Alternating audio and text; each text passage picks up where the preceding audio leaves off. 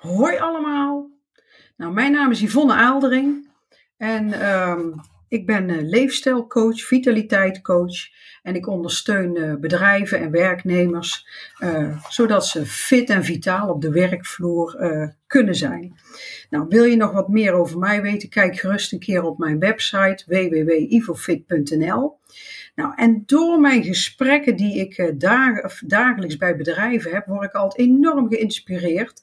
En vandaag heb ik dan ook weer een heel leuk thema over iets waar ik echt wel zo vaak mee te maken heb. En dat is namelijk, ja, welke pijn heb jij ervoor over? Of wat wil je laten om je doel te bereiken? Welke prijs wil jij betalen om uiteindelijk te komen waar je graag wil zijn? Nou, ik heb al een leuke spreuk om mee te starten, want de mens is eigenlijk gewoon een onvermoeibare lustzoeker. En elk afzien van een plezier dat ooit genoten is, wordt voor hem heel moeilijk. Want we zijn altijd uit op, ehm, ja, op, op leuke dingen. Nou, en dan zien we in de huidige tijd hè, dat ehm, ja, heel veel mensen willen iets en wel nu. Hè, tegenwoordig moet alles snel en gemakkelijk, ehm, ergens heel hard voor werken. Ja, daar is er eigenlijk bijna niet meer bij. Zoals je vroeger mensen zag struggelen, heel veel moeite moesten doen, um, heel lang moesten sparen voor iets wat ze uiteindelijk konden kopen. En dan was het vaak veel waardevoller. Maar tegenwoordig hebben we eigenlijk alles onder handbereik. Kant en klaar, direct beschikbaar. Ja, en we willen eigenlijk zo snel mogelijk resultaat. Dus deze discussie, die heb ik natuurlijk regelmatig met mijn klanten. Ja, en weet je, er is eigenlijk ook natuurlijk niet zo gek, omdat er in de huidige tijd vandaag is er gewoon ook heel veel mogelijk. En, uh, maar ja, hoe voelt het nou echt succesvol en glorieus als jij bijvoorbeeld uh, een magnetronmaaltijd op de tafel zet? Um, als je een uurtje gaat hakken, bakken en kokkerellen, geeft dat uiteindelijk bijvoorbeeld niet veel meer voldoening. Nou, en tijd besparen of ergens je best op doen, ja, die discussie die uh, moet ik natuurlijk wel eens voeren. Nou, en we willen zo min mogelijk in onze leefstijl veranderen en toch uh, bijvoorbeeld goed op gewicht zijn, zo fit als een hoentje. Maar we willen niet het biertje of de wijn laten staan of naar de sportschool of tijd voor bewegen vrijmaken en we willen het liefst ook iedere dag frisdrank blijven drinken, minimaal de weekenddagen met een snackje erbij, want anders is het leven zogenaamd niet meer leuk.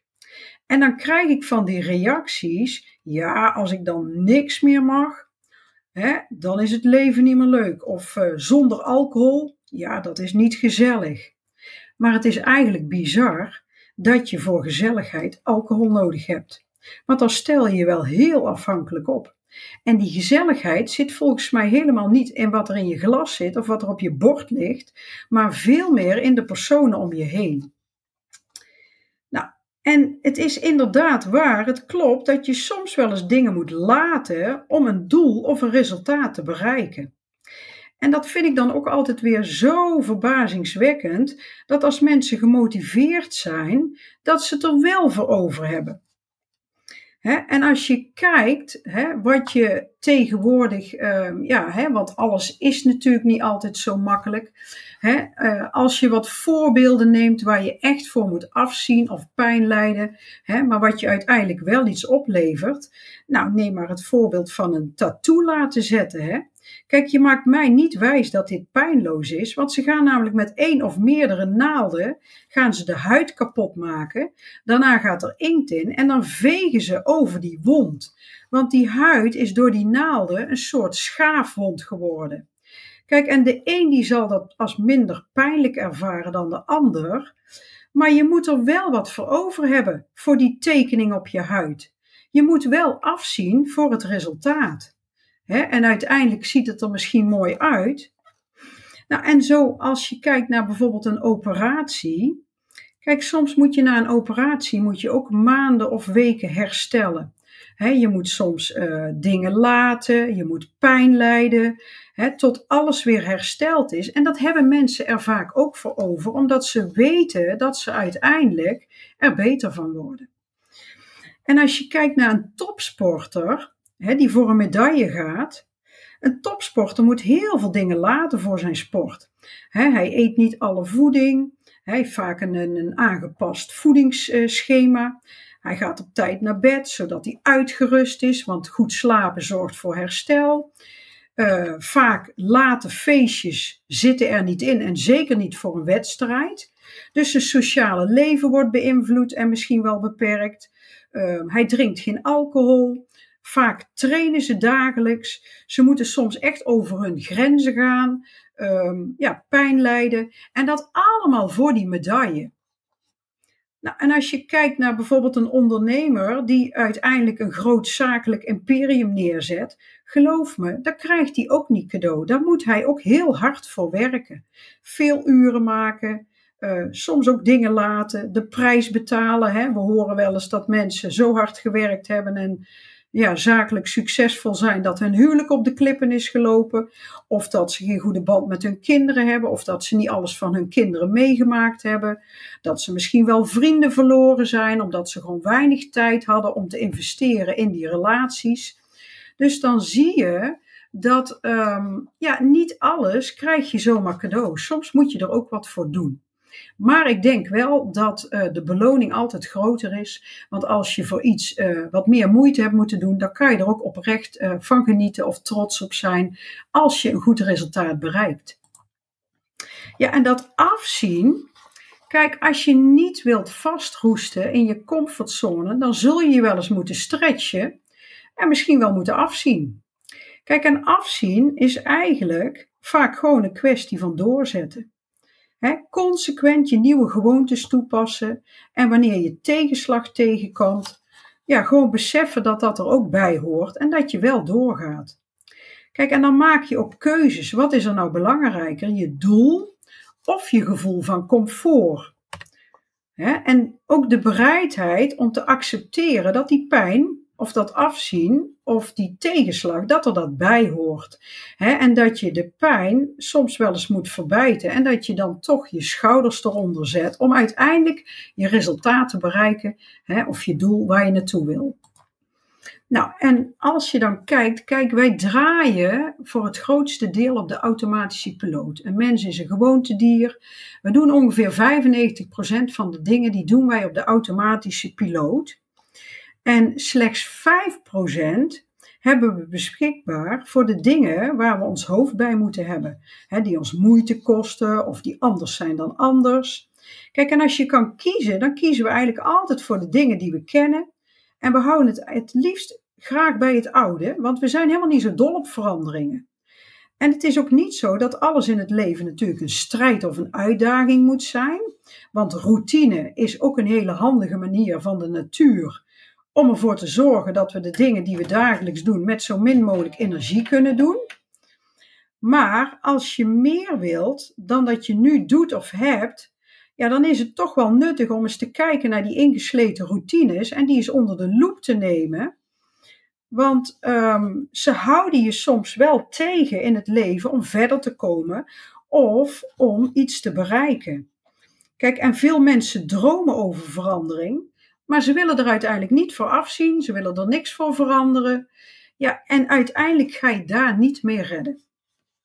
en ja, die comfortzone, waar we eigenlijk zo dol op zijn, want de, de, ja, ik zeg altijd, het brein van de mens is van nature lui. de mens is uh, ja, geneigd om snel in die comfortzone te blijven. Ja, in die comfortzone, dat is eigenlijk het gebied waarin uh, allerlei zaken gewoon herkenbaar zijn, beheersbaar zijn. En daar voelen we ons veilig in en vertrouwd en we kennen de gevolgen van al onze acties. en de omgeving binnen de comfortzone, die reageert eigenlijk zoals jij verwacht. Die levert geen grote verrassingen op. En, um, maar goed, het zou ook erg vervelend zijn als je iedere dag opnieuw een onvoorspelbare wereld tegemoet zou treden. Want dat geeft voor heel veel mensen ook onrust. Dus enige mate van uh, voorspelbaarheid, hè, dat is ook wel weer handig. En dat zorgt er ook voor dat we uh, ja, wat makkelijker door het leven heen gaan en dat we heel veel dingen kunnen snappen. Het is heel handig dat je bijvoorbeeld weet als jij je auto start, als je aan je sleutel draait. Hè, of als je op je knopje drukt. En het is ook heel handig om te weten dat als je naar rechts gaat, dat hij naar rechts stuurt. Maar ja, er schuilt natuurlijk ook gevaar in te veel voorspelbaarheid en comfort. Want als je mentaal afhankelijk wordt van je gewoontes en er niemand buiten kan, ja, dan is veranderen natuurlijk wel een dingetje. en je doet het al snel zoals je tien jaar doet. Nou, het onvermogen om eens anders te doen, dat leidt uh, eigenlijk tot vastroesten, maar ook weerstand tegen verandering van gewoontes.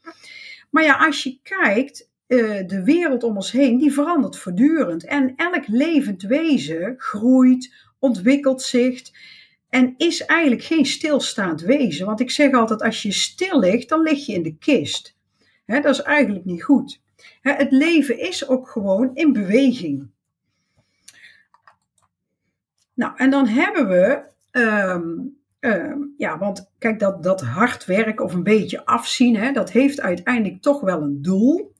Nou, en zo zegt de wetenschap, zijn er drie populaire vormen van zelfkastijding. Hè, en de eerste is kou lijden. Nou, wat houdt dat in? Dat betekent dat je elke dag geruime tijd in de koude buitenlucht of bijvoorbeeld in onverwarmd zwemwater doorbrengt. En waarom zouden mensen zo willen afzien? Nou, kou activeert ons zogeheten bruine vet. En dat is een type vetweefsel dat ja, vooral uh, baby's in ruime mate hebben. En het helpt hen om niet onderkoeld te raken. Maar het zorgt er ook voor dat onze verbranding verhoogt.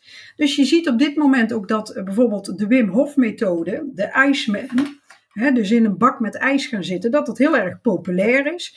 En dat beïnvloedt natuurlijk ook je weerstand. Nou, ook zo'n andere uitdaging is, is een maand droog staan.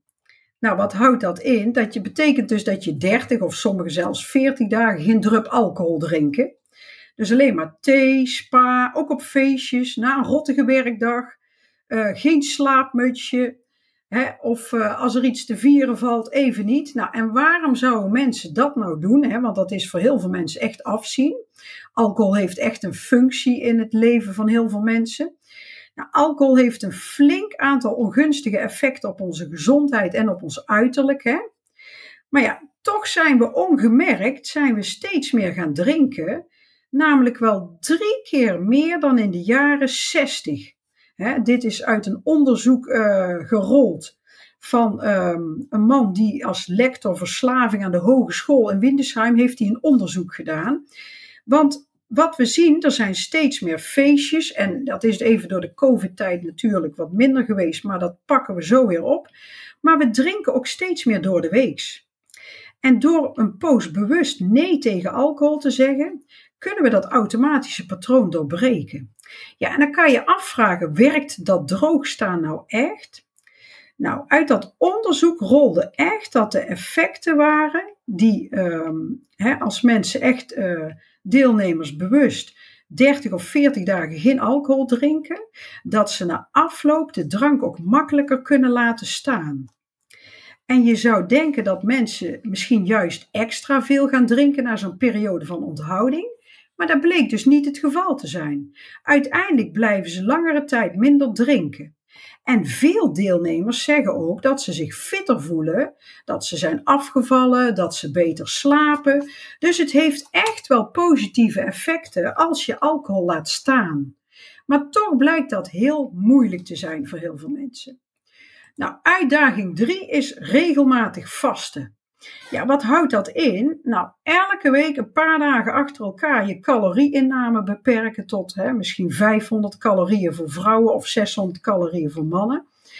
Ja, dat kan je doen hè, door uh, bijvoorbeeld vijf dagen per week normaal te eten en twee dagen minder calorieën. Hè, dus dan, um, dan doe je eigenlijk twee dagen doe je vast. Hè. Dat kan je ook op een andere manier doen. Het intermittent fasten is op dit moment heel erg populair. Dan eet je binnen 8 uur. Dus je eet van 11 tot 7 of van 12 tot 8. En 16 uur ehm, mag je wel drinken, water, thee en koffie, maar eet je niet. En dat heeft hele positieve effecten voor ons lijf, voor onze bloedsuikerspiegel, maar ook voor je energie, voor je, um, voor je vetpercentage.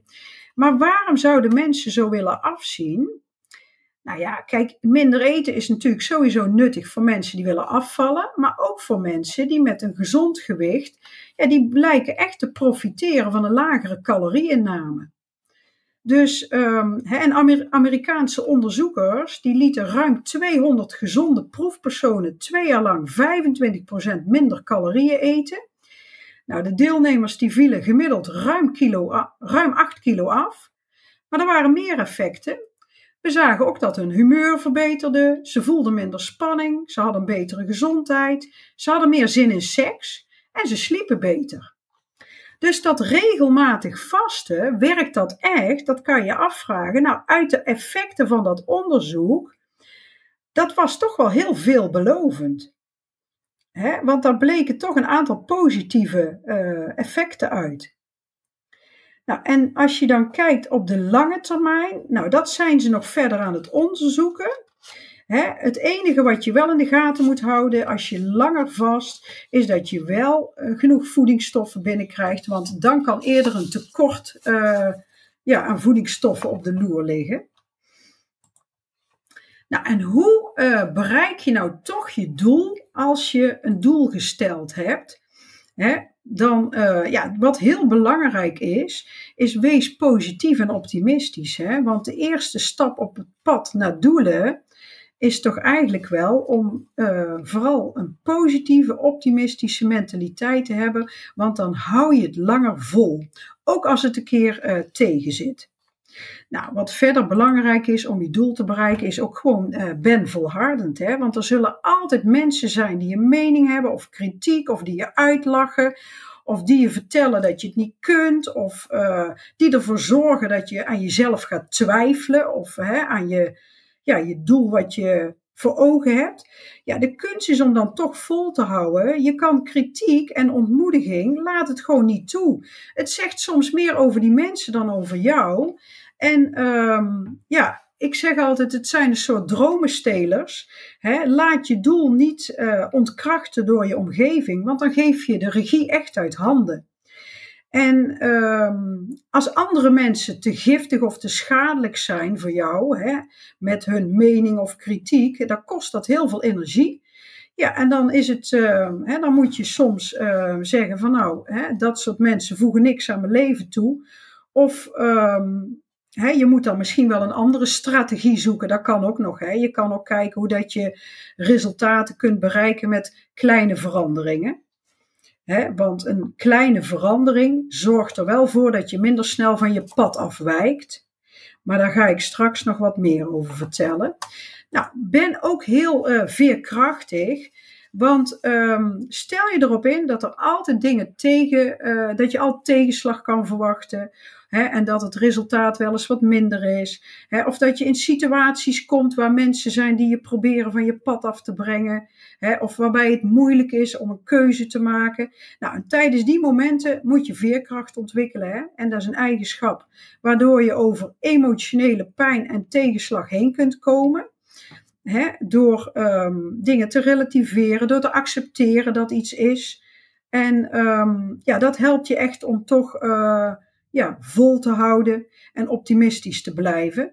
Dat zorgt er eigenlijk ook voor dat je wat meer aanpassingsvermogen krijgt en dat je ja, het beste uit elke situatie kan halen. En dat je je soms ook gewoon wat meer aanpast aan de omstandigheden die er zijn. Ja, en wat ook altijd een hele belangrijke is, ben uh, klaar om te leren. Hè? Uh, stel je leergierig op, want als je iets nieuws gaat leren, dat zal je vaak ook vooruit helpen en zorgen dat je gaat groeien. Want als je vandaag hetzelfde doet als gisteren, is morgen ook hetzelfde. Dus openstaan zal helpen om succesvol te zijn en om je doel te bereiken. Want voor een verandering moet je soms een nieuw kunstje of nieuw gedrag leren. En dan is het belangrijk dat je hè, je geest openhoudt voor de kansen en mogelijkheden die er zijn. Ja, en wat een hele belangrijke is om je doel te bereiken, is zet kleine stapjes. Hè? Verander met kleine stapjes die je consequent blijft herhalen. Want uh, uiteindelijk moet je een nieuw uh, ja, automatisme, nieuwe gewoonte gaan aanleren, een nieuw pad gaan insluiten. Ja, en als jij een, um, hè, een nieuw pad gaat insluiten, dan betekent dat dat je consequent elke keer hetzelfde paadje gaat lopen en uiteindelijk wordt het een routine. En als je kleine stapjes zet, dan is de verandering niet zo groot, zul je niet zo snel struikelen en wordt het makkelijker om die verandering ook echt vol te houden op de lange termijn. Dus um, dat zijn eigenlijk wat tips hoe dat je toch, ondanks dat het misschien wel eens afzien is of dat je een bepaalde prijs moet betalen hè, om um, ja, een resultaat te uh, boeken, hoe dat je dan toch uh, uiteindelijk je doel bereikt. Dus de kunst is om, um, ja, het belangrijkste is eigenlijk hoe dat je er zelf ook mentaal in zit. En uh, ik heb een leuke spreuk van uh, Bruce Lee: maak je geest leeg, wees vormeloos. En vormeloos zoals water. Want water past zich altijd aan aan waar het uh, ingegoten wordt. Dus als je water in een beker doet, wordt het de beker. Je doet water in een fles en het wordt de fles. Je doet het in een theepot en het wordt de theepot. En water kan stromen of het kan neerstorten. Maar wees water. Nou, succes!